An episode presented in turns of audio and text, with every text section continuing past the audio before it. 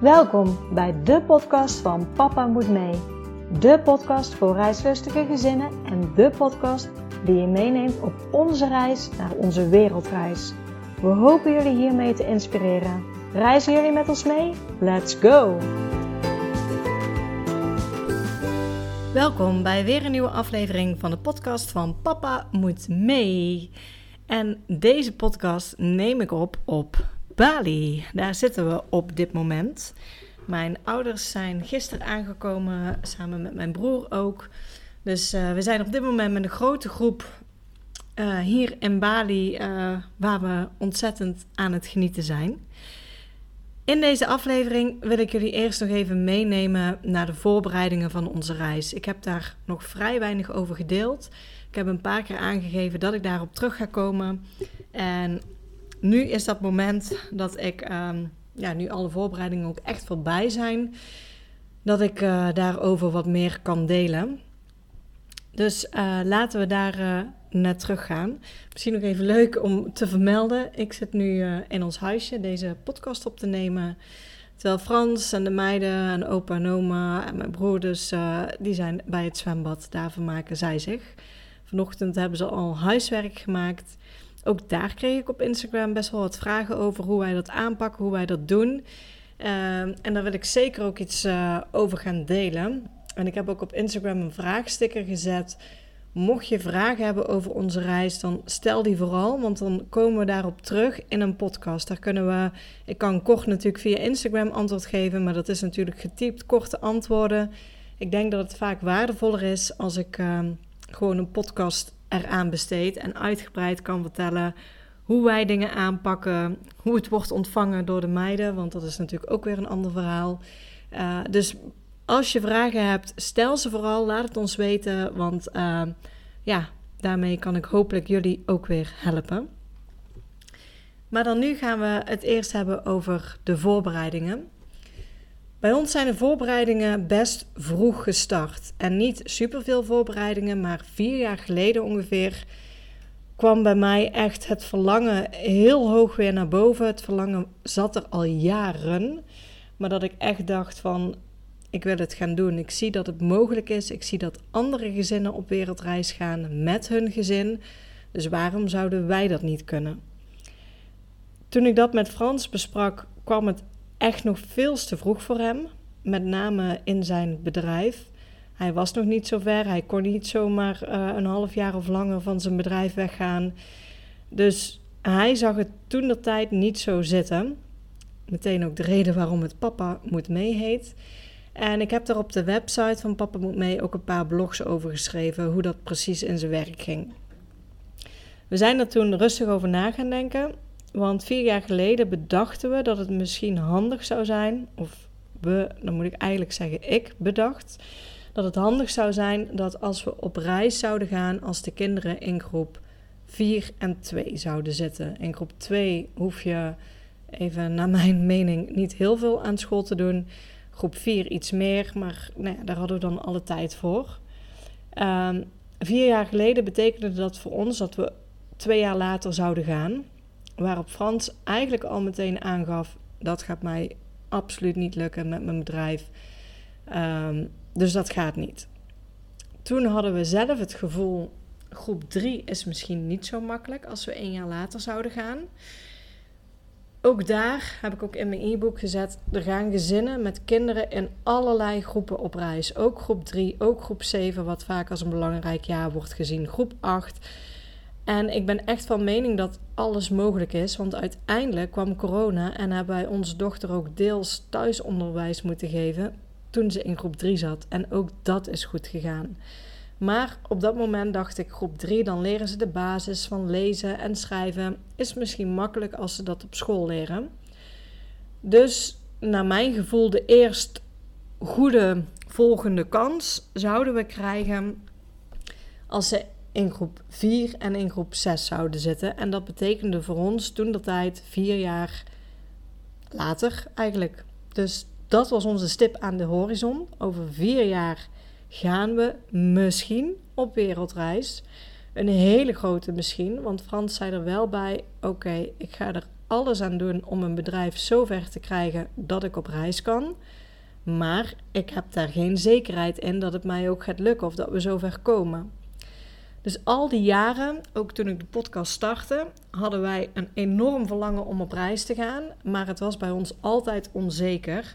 We wisten niet zeker of dat we wel zouden gaan. Dat was soms heel frustrerend, vooral uh, omdat ik natuurlijk iedere week gezinnen sprak die wel op reis waren gegaan. En echt iedere week hoorde ik de meest fantastische verhalen. De tips zijn meestal: ga als je kunt gaan. Je krijgt er zeker geen spijt van. Het is zo geweldig. Dus ik kreeg alleen maar enthousiaste gezinnen en ik werd daardoor alleen nog maar nog enthousiaster. En Frans hoorde die gezinnen niet, want ik deed natuurlijk zelf de podcast. Uh, hij luistert mijn podcast ook niet. Dus hij zat gewoon in, in zijn eigen wereld. En hoe enthousiaster ik werd. En dan kwam ik weer met mooie verhalen. En dan vertelde hij weer: Ja, maar we weten niet of wij wel kunnen gaan. En ik werd daardoor best wel af en toe gefrustreerd. Ik wilde zo graag gaan. En ik wilde eigenlijk van hem de zekerheid hebben dat we zouden gaan. Maar hij kon mij die op dat moment ook gewoon echt niet geven. Nou, op het moment dat je weet, over vier jaar gaan we misschien op wereldreis, heb je niet heel veel te regelen natuurlijk. Het enigste wat ik kon doen, dacht ik, was uh, geld sparen.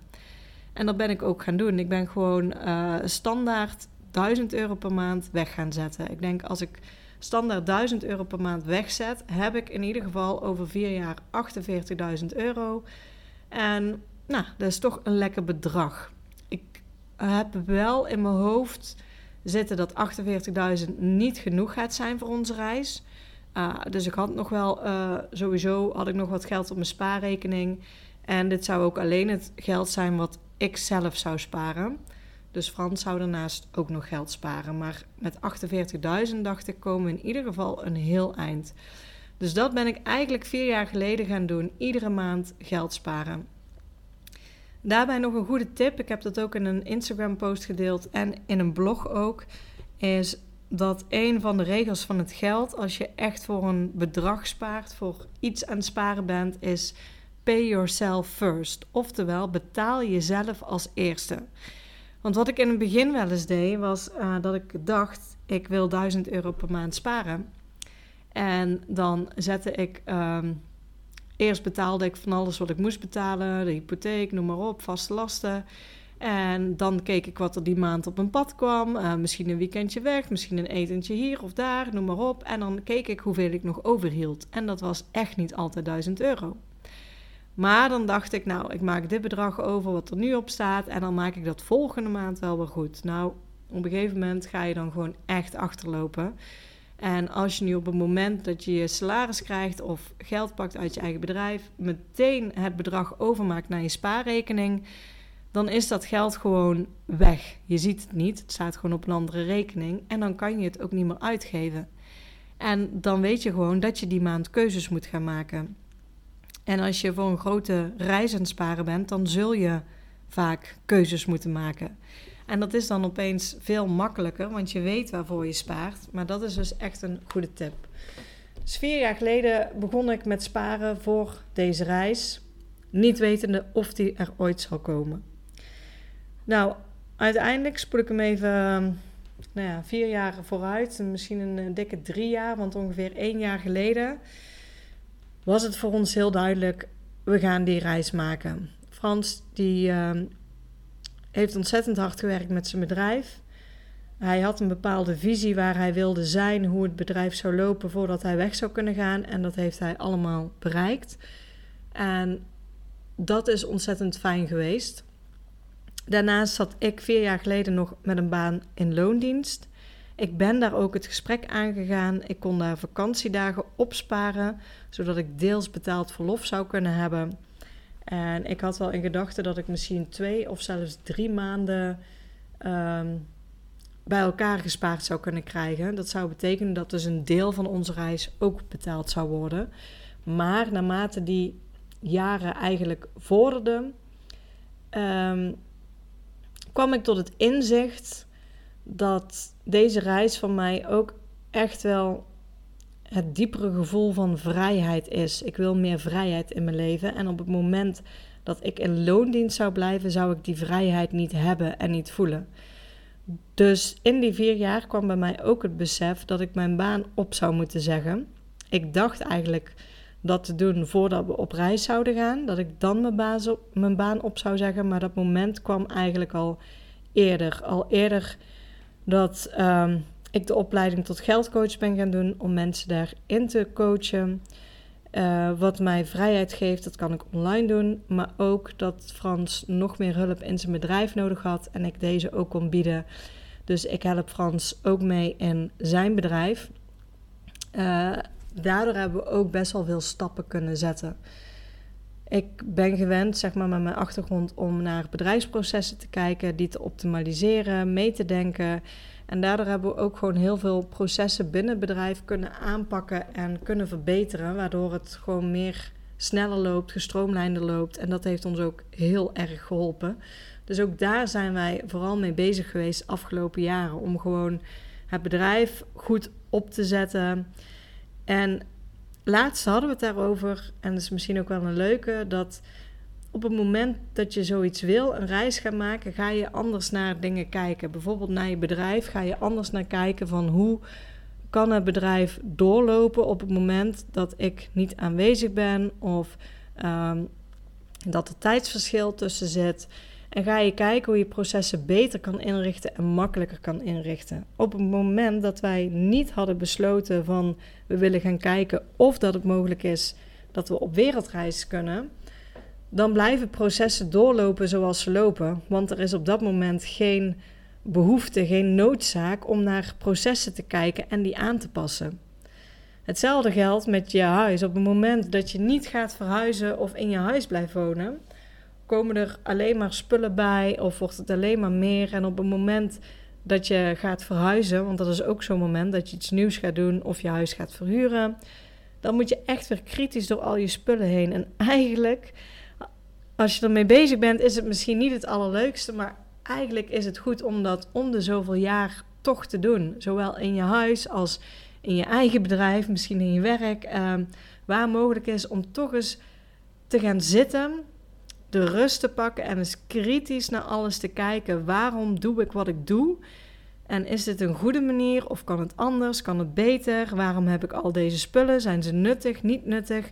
Om zo gewoon even schoon schip te maken. Um, nou ja, een jaar, zeg maar, een jaar geleden wisten we dat we zover waren dat we konden gaan. En dat was voor mij best een raar moment dat ik dacht: oké, ik heb altijd een punt aan de horizon gehad. Vier jaar later gaan we misschien op wereldreis. En nu is het nog één jaar. En wat moet ik nu dan doen? En ik wist het zelf, nou ja, ook niet. Nou ja, wat kan je één jaar van tevoren regelen? Ik ben één jaar vooraf in ieder geval het gesprek met school aangegaan. Zodat zij voldoende tijd hadden om aan het idee te wennen. Om ehm, na te denken wat zij konden betekenen voor ons daarin. En ik ben daarin redelijk stellig geweest van wij schrijven ons uit. Dus ehm, we verwachten in die zin van school niks. Ik zou het alleen fijn vinden als de kinderen terug kunnen keren in hun eigen klas. Ehm, en dat konden ze geven. Vervolgens hebben ze echt wel meegedacht met schoolboekjes meegeven en noem maar op. Maar zo ben ik eigenlijk één jaar geleden al het gesprek aangegaan met school. En voor de rest was er weinig te regelen naast sparen, school. En dan komt op een gegeven moment wel de tijd dat je wel dingen moet gaan regelen. En bij ons, die laatste regeldingen zijn echt enorm chaotisch verlopen. En dan heb ik het niet eens over de regeldingen waar de mensen de meeste vragen over hebben. Want je schrijft je uit, wat gebeurt er dan, wat moet je regelen? Dat vond ik echt niet veel werk. En misschien ook omdat ik natuurlijk heel goed weet door alle interviews, door het e-book wat ik heb geschreven, wat ik moet regelen. Maar als je dat voor jezelf helder hebt, is het echt absoluut niet veel werk. Is het zo geregeld ehm, en valt het wel mee. Dus die dingen kosten mij echt niet veel tijd. En voel je jezelf daar nu onzeker in? Of zeg je van nou, ik weet niet wat ik moet regelen. Of ik weet niet bij welke verzekeringen ik moet uh, aankloppen. Of nou, je bent sowieso nog zoekende hoe je het überhaupt met de leerplicht wil regelen. Want Wij hebben ons uitgeschreven, maar dat wil niet zeggen dat dat de enige methode is. Dan zou ik je vooral willen aanraden, kijk eens op mijn website. Daar staat het e-book op, op wereldreis met je gezin. En daar staat echt alles in. En dan heb je ook gewoon precies een lijstje wat je moet regelen, wie je moet bellen, waar je verzekeringen af kunt sluiten, wat er goedkoper is, want ook dat hebben we uitgezocht. Dus dat regelwerk ging eigenlijk best wel oké. Bij ons was het meer de onverwachte dingen die er doorheen kwamen, die bij ons de voorbereiding heel chaotisch en rommelig hebben gemaakt. Wij hebben, ik denk, negen maanden of zo, negen maanden voordat we op reis gingen, hebben we onze eerste tickets geboekt, dat die vastlagen. Uh, toen hebben we gekeken naar wat moeten we nog meer boeken, want hoeveel ga je boeken? We willen ergens onze vrijheid behouden, maar soms moet je dingen ook vastleggen. Dus we zijn in ieder geval gaan dromen over de route, dingen gaan opschrijven wat we graag wilden zien en ook met de seizoenen rekening houden qua landen. Zit je in een regenseizoen of niet? Wat is het beste seizoen om een land te bezoeken? En zo hebben we een globale route gemaakt. Nou, die route is echt wel, ehm, ik wil zeggen honderd keer, dat is natuurlijk overdreven, maar wel heel vaak aangepast in de afgelopen maanden zelfs nog. Maar het begin stond op een gegeven moment vrij snel vast. Bij ons was het echt, we willen Nieuw-Zeeland zien. Dat is natuurlijk het beste rond november, december, januari, februari, zoiets. Um, en we willen op een gegeven moment alleen maar korte vluchten maken, dat we niet telkens heel lang hoeven te vliegen. Dus we hebben ervoor gekozen om de eerste vlucht lang te maken naar in ieder geval een grote stad waar veel ja, uh, vluchten naartoe gaan. Want dan heb je relatief kan je daar iets goedkoper naartoe vliegen. Dus we hebben een vlucht naar Singapore geboekt. En vanuit daar zijn we gewoon gaan bekijken hoeveel tijd willen we waarvoor nemen. En vanuit Singapore daar kreeg ik eigenlijk de tip van anderen. Ja, vier, vijf dagen heb je wel genoeg. Dus we zouden een kleine week in Singapore zitten en dan doorvliegen naar Bali. En mijn ouders zeiden al heel snel, mijn vader wil echt al heel lang naar Bali toe. Al heel lang naar Indonesië. Dus die zeiden al heel snel, nou dan komen we jullie opzoeken. Omdat we dan met een grotere groep reizen, hebben we ook gekeken van wat is onze reisroute en hebben we wel accommodaties geboekt omdat we ook met z'n allen bij elkaar willen zitten. Dus zo zijn we wel in ieder geval naar de route gaan kijken. Maar voor de rest hebben we toen nog redelijk weinig geregeld. En ik ben even aan het nadenken. We hadden de route in ons hoofd. We hebben op een gegeven moment wel een paar tickets gekocht, maar we hebben echt maar. We hebben niet alles geregeld. Dus um, we hebben een route in ons hoofd zitten die we denken dat we gaan afleggen. Maar dat hebben we nog niet allemaal uitgewerkt waar we precies naartoe willen, waar we verblijven. En we hebben ook nog niet overal vluchten voor geboekt. Dus ook daar, op een gegeven moment stopt daar ook. Of ja, soms had ik het gevoel dat ik nog meer moest voorbereiden. Maar dat is misschien ook het aard van het beestje. Dat ik dacht, ja, laat ik thuis nou heel veel dingen uitzoeken. Dan hoef ik dat op reis niet te doen. Maar ja, ik merkte ook dat ik op een gegeven moment daar gewoon eigenlijk niet zo'n zin in had. Terwijl normaliter ben ik echt vakanties uitzoeken en routes bepalen, kijken wat er te doen is. Is eigenlijk iets wat ik super leuk vind. Maar op een gegeven moment merkte ik dat ik dat mijn energie er niet naartoe ging. Dat ik niet de behoefte had om het allemaal uit te zoeken. Dus ben ik dat ook niet meer gaan doen. Bij ons een heel groot discussiepunt was het huis tussen Frans en mij. Wat doen we met ons eigen huis? Ik wilde het heel graag verhuren.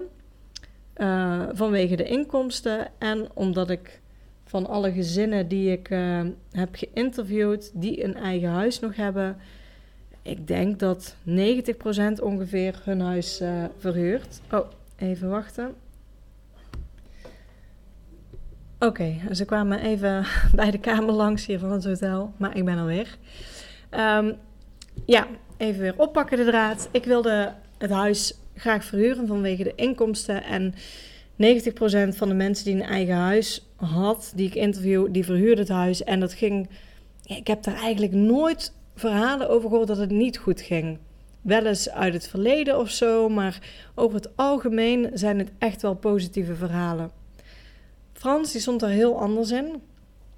die voelde zich daar niet super prettig bij om iemand anders in zijn huis te hebben.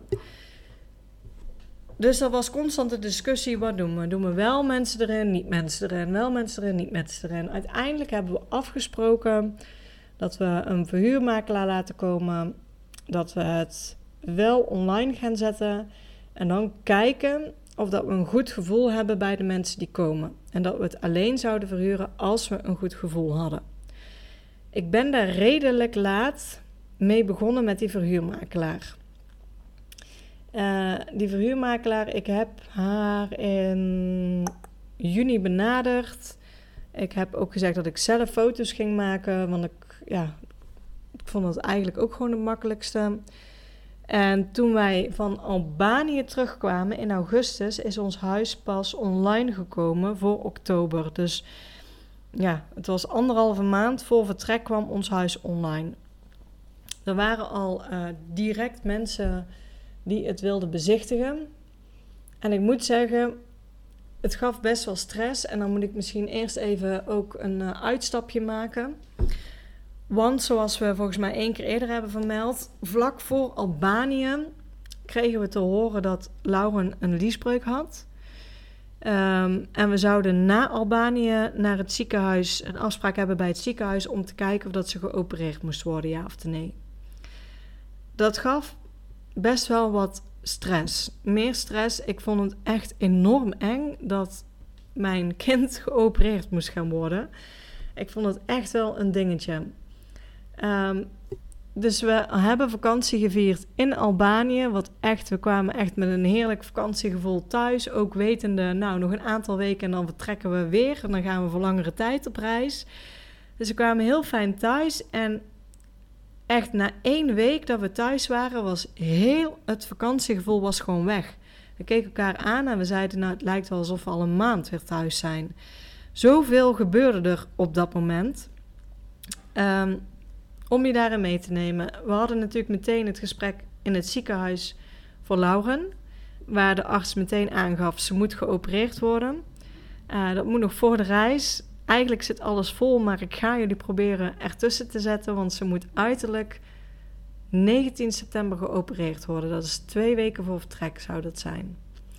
Diezelfde week zei Frans, toen hij naar die arts had geluisterd, om een liesbreuk te constateren, moet je blijkbaar op je hand blazen. En als er dan uh, bobbels in je lies verschijnen, heb je een liesbreuk. En Frans zei dat thuis ook en hij had ook bobbels. Dus hij zei: Ik denk dat ik ook een liesbreuk heb. Dus hij is diezelfde week ook naar de dokter gegaan. En bij hem werd ook een liesbreuk vastgesteld. Dus hij moest ook nog geopereerd worden. Daarnaast hebben we een vriendin geholpen met verhuizen nog. Dus die kwam er ook nog tussendoor. Um, en we kregen te horen, dat was volgens mij diezelfde week ook, dat een, um, tijdens een bevolkingsonderzoek, een, een standaard bevolkingsonderzoek, uh, was het niet goed bij mijn vader. Dus we hadden twee operaties die nog plaats moesten vinden voor onze reis. En we hadden onzekerheid over um, de gezondheid van mijn vader op dat moment. Mijn vader wilde niet dat we daarmee met mensen spraken. Dus ook dat kon ik niet met mensen delen. Of in ieder geval wel met elkaar natuurlijk, maar niet met onze omgeving. Want op een gegeven moment vroegen heel veel mensen: Oh, hoe is het met de voorbereidingen? En bij ons hadden die voorbereidingen eigenlijk niet eens meer zo prioriteit. We wisten, het komt wel goed, we vertrekken gewoon en we zien het wel. Maar dat is het dan ook. Wij waren eigenlijk veel meer bezig met gezondheid. Want mensen vragen wel eens, hè, als je iets heel graag wil, wat is nu het ergste wat kan gebeuren? Nou, voor mij zou het ergste zijn als er iets met de gezondheid van iemand gebeurt uit ons gezin, maar ook met iemand van de thuisblijvers. Als natuurlijk een van je ouders uh, ziek wordt of uh, sterft, of natuurlijk met onze hond. Dat is het ergste wat ons kan gebeuren. En dat scenario, dat was nu wel aanwezig. We moesten, zowel Lauren als Frans moest geopereerd worden. En we zaten al eind augustus, dus we hadden nog maar één maand de tijd. En ze moesten nog herstellen. En we hadden onzekerheid over mijn vader. Nou, uiteindelijk um, is Frans redelijk snel geopereerd. Hij is naar een privékliniek gegaan. Dat klinkt heel uh, duur, maar ook dat wordt gewoon vergoed door de zorgverzekeraar. Heel veel mensen vroegen mij ook van hoe komt het dan dat niemand naar een privékliniek gaat? Vanuit de dokter word je eigenlijk standaard naar het ziekenhuis toe doorgestuurd. En dat is wat wij normaliter ook hadden gedaan. En het ziekenhuis hanteerde bij Frans. Ze gaven aan, het kan 8 tot 16 weken duren voordat je aan de beurt bent voor een operatie. Nou, dat zou dus betekenen 2 tot 4 maanden. En die tijd hadden wij niet. Dus op dat moment heb je zo'n tijdsdruk dat je gewoon alle opties af gaat bellen. Wellicht hadden we dat niet gedaan als wij niet op reis gingen, maar daardoor kwamen wij in ieder geval bij een privékliniek uit en daar kon hij één week later al geopereerd worden. En Frans herstel gaat goed, nog steeds, maar gaat wel echt langzaam, want hij heeft er op dit moment nog steeds last van. Hij kan lopen, maar als we echt hele lange stukken loopt, heeft hij nog last. Met zwemmen heeft hij last. Hij mag nog niet te veel tillen, dus hij moet echt nog wel uitkijken. En op een gegeven moment had hij met een arts erover en die zei: Het kan echt nog drie maanden duren na je operatie voordat alles weer helemaal goed is. Nou, dat wisten we van tevoren niet. Wij dachten twee, drie weken dan zou het goed zijn. Hadden we het anders niet gedaan? Nou, hij had wel last. Lauren had overigens echt geen last. Dus ja, misschien hadden we het dan uiteindelijk toch gedaan. Maar ja, het herstel heeft bij hem echt wel tijd nodig gehad. En ook dat had weer consequenties voor het huis.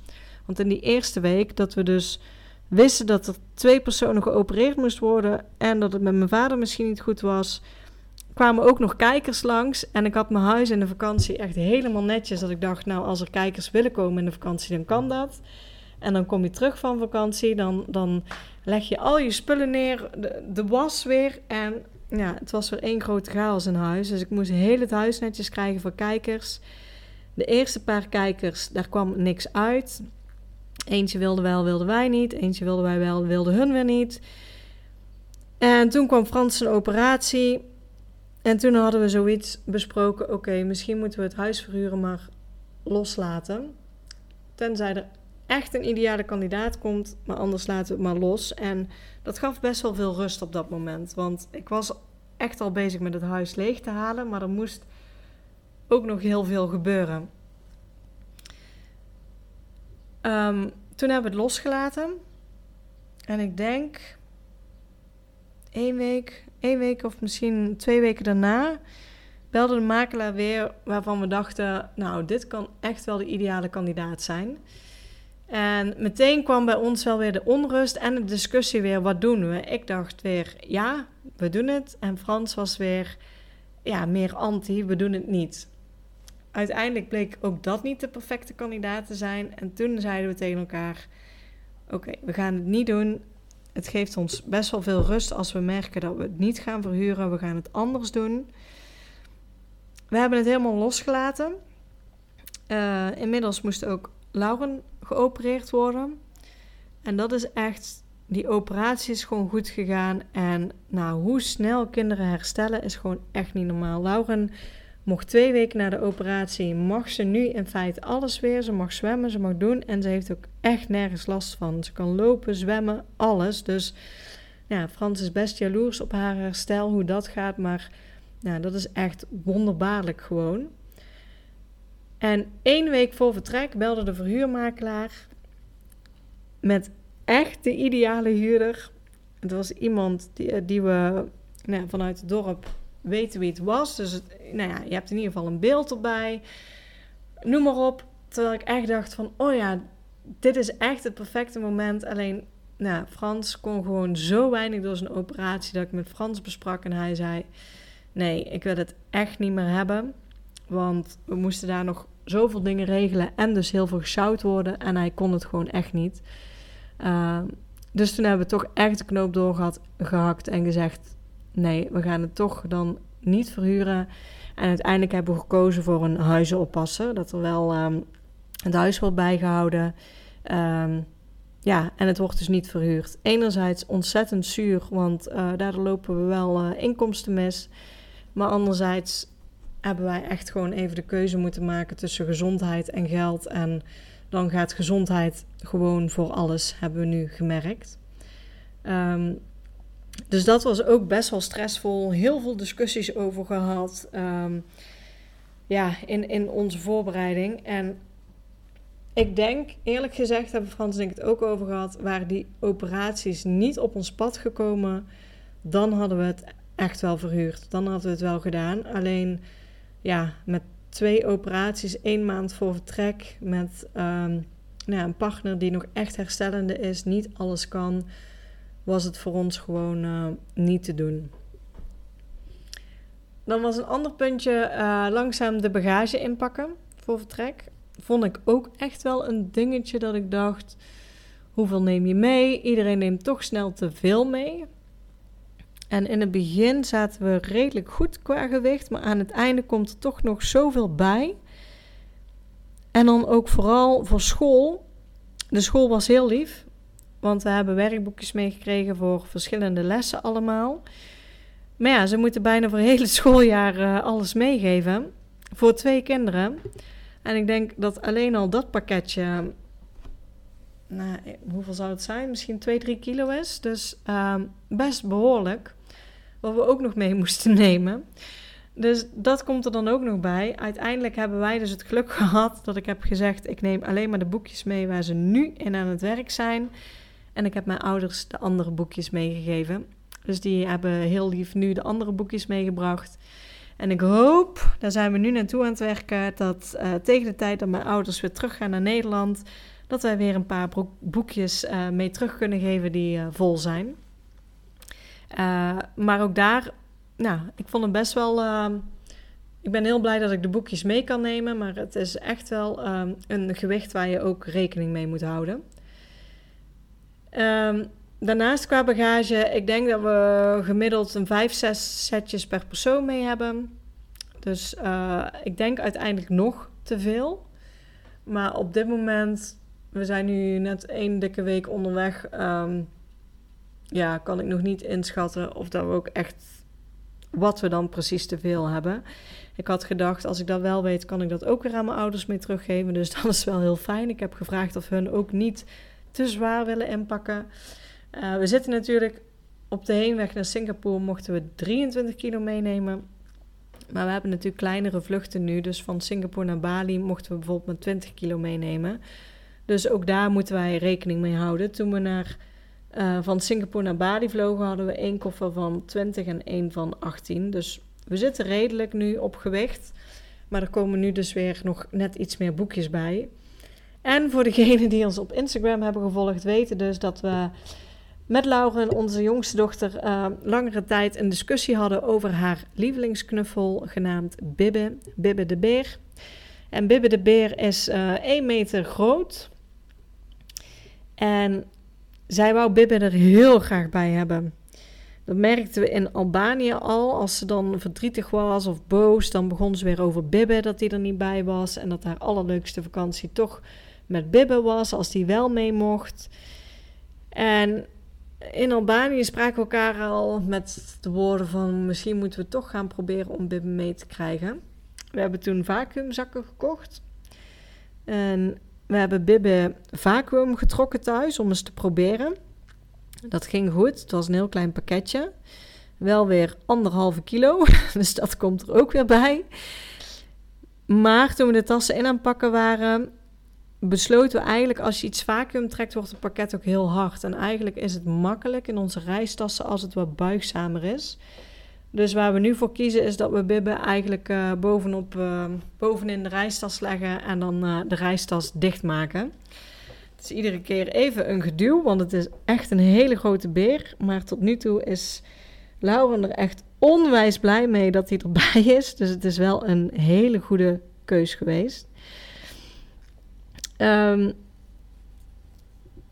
ja, en ik denk de bagage inpakken, het huis helemaal opruimen. Nou, daar gaat ook gewoon veel tijd in zitten. Dus dat zijn echt de laatste dingen die we hebben gedaan. En ik merkte best wel veel stress de dagen voordat we gingen. Stress omdat ik nog van alles wilde doen. Ik wilde het echt netjes hebben voor de huizen oppassen. Dat die ook gewoon een net huis heeft. Uh, ja, ik, um, ik wou de bagage al kant en klaar hebben. Maar ja, de kinderen gingen echt ja, de dag voor vertrek zijn ze gewoon naar school gegaan. En pas toen konden ze ook alles meegeven. Ehm, ja, dus, dus heel veel dingen konden we ook echt pas op het laatste doen. En uh, we zijn een paar, denk twee nachten voordat we vertrokken, zijn we bij mijn ouders naar huis gegaan. Uh, ook omdat ik maak de ene kamer schoon en de kinderen hebben de andere kamer weer op zijn kop gezet. Dus dat ik dacht, nou dan zitten we bij mijn ouders en dan heb ik alle rust en ruimte om het, om het huis gewoon op te ruimen en te poetsen. Uh, dus dat was wel heel fijn. Ik denk als we het echt verhuurd hadden, dat ik echt al een week van tevoren of zo bij mijn ouders was ingetrokken. Gewoon om eens even de ruimte te gunnen. Um,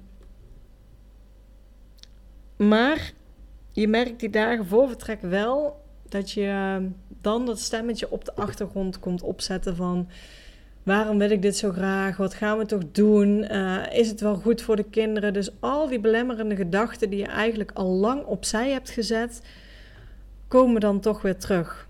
En vooral onze oudste dochter is met afscheid nemen echt heel verdrietig geweest. Nou, op dat moment breekt gewoon je hart als moeder zijnde. Uh, ze heeft heel hard moeten huilen, met name om onze hond. Uh, wat ook echt, denk ik, voor ons allemaal het allermoeilijkste is. Uh, dat we die moeten achterlaten, zo voelt het. Ik weet dat hij in goede handen is, want hij is bij mijn ouders. Nou, nu dan even naar de hondenopvang, waar hij vaker naartoe gaat als we op vakantie gaan. Maar hij heeft dus een heerlijk huisje, maar ja, het is gewoon wel, hij hoort eigenlijk ook bij ons gezin. En dat was echt heel moeilijk. Dus um, de ene keer ging het goed, maar echt de dag van vertrek zelf. Uh, we vlogen pas in de middag, dus de ochtend konden we nog rustig aan doen. Konden we de laatste dingen nog inpakken. Um, ja, en toen het afscheid kwam, was het echt tranen met tuiten bij onze oudste dochter. En ze had al een paar nachten van tevoren, dat ze dan s'nachts, als ze in bed ging liggen, begon ze ook heel hard te huilen. Dan komt dat besef, dan ga je nadenken natuurlijk. S'avonds voelt alles sowieso veel zwaarder. Um, dus die heeft daar echt wel moeite mee gehad. En dat vond ik zelf ook daardoor heel moeilijk. Onze jongste dochter, overigens, nou, Bibbe ging mee, dus die was helemaal tevreden. Die heeft daar geen moeite mee gehad. En die probeerde ook uh, onze oudste dochter echt te troosten, wat ontzettend lief was. Die was alleen maar dingen op en noemen wat wel leuk was aan de reis. En ja, die probeerde er eigenlijk heel lief in te zijn. Dus ook wel heel mooi om die dynamiek dan weer te zien tussen de twee uh, zussen. Nou ja, uiteindelijk zijn we naar uh, Schiphol gegaan. Um, ik vond het afscheid met mijn ouders wel even een dingetje. Ook enerzijds zouden we ze na een week zien, want ze zijn hier weer. Maar mijn moeder heeft constant voor vertrek gegrapt tegen mij. Omdat al die operaties er tussendoor kwamen. Nou, dadelijk zitten wij in Bali en zijn jullie er niet. Dan zijn jullie nog thuis. Nou ja, toen kwam dat uh, gezondheidsdingetje tussendoor met mijn vader. En hij zou zijn uh, onderzoeken hebben. Twee dagen nadat wij zouden zijn vertrokken. Dus toen kon ik zeggen, nou, dadelijk zitten wij in Bali, maar zitten jullie dadelijk niet in Bali? Want het was dus even de vraag van, wat komt er uit het onderzoek? Er zou een, uh, wel maar een kleine kans zijn, een klein percentage, maar het zou eventueel kanker kunnen zijn. En dat vond ik best lastig met het vertrek, dat je, um, ik zou het heel moeilijk vinden. We hadden, het was met afscheid, zeg maar, was het best fijn dat je wist, oké, over één week zie ik mijn ouders, dus ja, heel veel mensen willen je op het einde nog zien, willen je nog even een knuffel komen geven, noem maar op. Um, maar ja, je wil ook tijd maken voor je ouders. Maar ik wist, we zien ze na een week weer. Dus dan hebben we alle tijd om rustig afscheid te nemen, noem maar op. Alleen nu kwam die onzekerheidsfactor dat stel dat iets uit het onderzoek zou komen, zou er een kans bestaan dat ze misschien niet zouden komen in Bali. En ja, dan neem je eigenlijk niet goed afscheid, want hè, we zien elkaar over één week en dan blijkt dat je elkaar niet meer ziet over één week. En nou ja, als dat echt zo zou zijn, dan zou de reden dus zijn dat het gewoon niet goed zou zijn met mijn vader. En um, ja, dat vond ik wel heel moeilijk. Nou, gelukkig kan ik nu um, daarover um, vertellen, want we hebben natuurlijk inmiddels de uitslag. En dat is ook de reden dat ik gewoon over de voorbereidingen niet veel heb gedeeld in de podcast, omdat ik gewoon niet wist welke kant het op ging. Uh, maar het is in ieder geval geen kanker. Het is allemaal goed. En uh, ze zijn hier op Bali. Dus dat is super fijn. Maar ja, dat was gewoon wel met afscheid nemen een extra stressfactor. Dus zoals ik al zei, de stress is bij ons totaal niet veroorzaakt door alle regeldingen die we moesten regelen, maar gewoon echt alle issues die eromheen kwamen kijken. De twee operaties, de onzekerheid over de gezondheid van mijn vader. Nou ja, noem maar op. En uiteindelijk is dat dus allemaal goed gekomen. En ook als je dan eenmaal vertrekt op reis, dan merk je ook dan alles waar je druk om maakt, valt dan weg, zeg maar. Ehm, ook op een moment, onze oudste dochter heeft echt nog naar Schiphol en op Schiphol echt nog wel moeten huilen. Maar op het moment dat we Schiphol binnenliepen en overal doorheen gingen, stopte het ook. En tot nu toe gaat het gewoon echt heel erg goed. Ze zal echt nog wel een, een tegenslag krijgen komende maanden. Dat weten we. Het is niet allemaal uh, roze geur en maneschijn natuurlijk. Maar op dit moment zijn we gewoon heel blij um, dat ze het allebei supergoed doen. Dat ze goed in hun vel zitten. Dat ze het leuk vinden. En dat is voor ons uh, op dit moment gewoon het belangrijkste. En we bekijken het gewoon dag per dag. Dus dat um, waren onze voorbereidingen eigenlijk. Ik ben aan het denken, het is redelijk high level, want er zijn nog meer dingen die we hebben voorbereid. Ik weet, heel veel staat uiteindelijk ook gewoon in mijn e-book, want we hebben natuurlijk ook naar internet gekeken. We hebben uh, gekeken naar eh, welke, um, hoe kunnen we het beste geld wisselen natuurlijk. Als je voor langere tijd op, op reis gaat, dan telkens geld omwisselen en commissies betalen, is best een kostenpost aan. Dus waarmee kan je nu het beste betalen? Dus nou ja, mocht daar interesse in zijn om daar ook dieper op in te gaan, dan laat het mij vooral weten. Ik denk voor nu dat het een beetje te diep gaat zijn, maar ik heb al die issues waar we tegenaan liepen uitgebreid beschreven in mijn e-book. Alle mogelijkheden die er zijn weer op een rijtje gezet voor jou, zodat jij ook kan kiezen wat bij jou past. Uh, en onze eigen ervaringen daarin gedeeld. Dus um, ja, daar staat eigenlijk alles gewoon uitgewerkt. Dus het makkelijkste, ja, ik zou echt sowieso aanraden. Heb je plannen om met je gezin op reis te gaan, dan, dan schaf gewoon echt het e-book aan. Want daar staat gewoon echt alles in. Met dat boek ben je gewoon klaar. Als je dat doorneemt, weet je wat je moet regelen. En uh, weet je wat je mee moet nemen. En noem maar op. Dus uh, dan heb je sowieso alle antwoorden. Um, ik denk voor nu dat ik het meeste van de voorbereidingen wel heb gehad. In ieder geval, nou ja, weten jullie ook hoe het bij ons ervoor stond. En um, ja, dat het echt, um, echt best wel een uh, heftige periode was. En ja, nu we eenmaal vertrokken zijn, komt langzaam de rust terug. En uh, ja, het besef is er nog steeds niet helemaal. Want dat had ik ook voor vertrek niet. Iedereen zei, hoe is het nou? ja, je gaat iets doen waar je al zo lang naar uitkijkt. Je gaat eigenlijk je droom waarmaken. En nou, dat besef moet nog indalen. En ik denk, nu voelt het misschien ook wellicht nog meer als een vakantie. We zijn pas één week onderweg, dus je zit nog een beetje in de vakantiemodus. Mijn ouders zijn er nu ook, dus dan heeft het helemaal een beetje vakantiegevoel. Ik denk dat het op een gegeven moment, naarmate we langer op reis zijn, pas gaat omslaan. Uh, maar daar gaan we jullie natuurlijk uh, in meenemen. Ik ga jullie de komende tijd in de podcast meenemen in onze reis. Wat we meemaken, hoe dat we een land ervaren. Noem maar op. Heel af en toe komt er ook gewoon weer een interview tussendoor. Dus ik uh, neem jullie mee. Um, ja, mocht je ook echt plaatjes willen zien van onze reis, dan zou ik je willen zeggen: kijk vooral op Instagram bij @papamoetmee. En op de website papamoetmee.nl of www.papamoetmee.nl staan nog wat uh, blogs van onze voorbereidingen, wat persoonlijke blogs. En proberen we, ik weet niet of dat mij lukt gedurende de reis, maar anders uh, later nog uh, onze tips te delen per land. Um, wat je het beste kunt doen of wat wij in ieder geval hebben gedaan.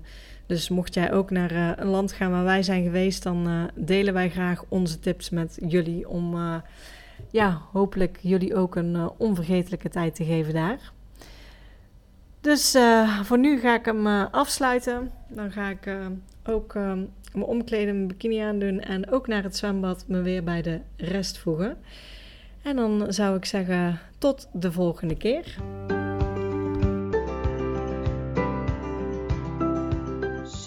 Bedankt voor het luisteren naar deze podcast. Ik zou het heel leuk vinden als je ons volgt op Instagram. Papa moet mee. Deel deze vooral in je stories als je hebt geluisterd en tag ons en laat ons weten wat je ervan vond. Tot de volgende keer.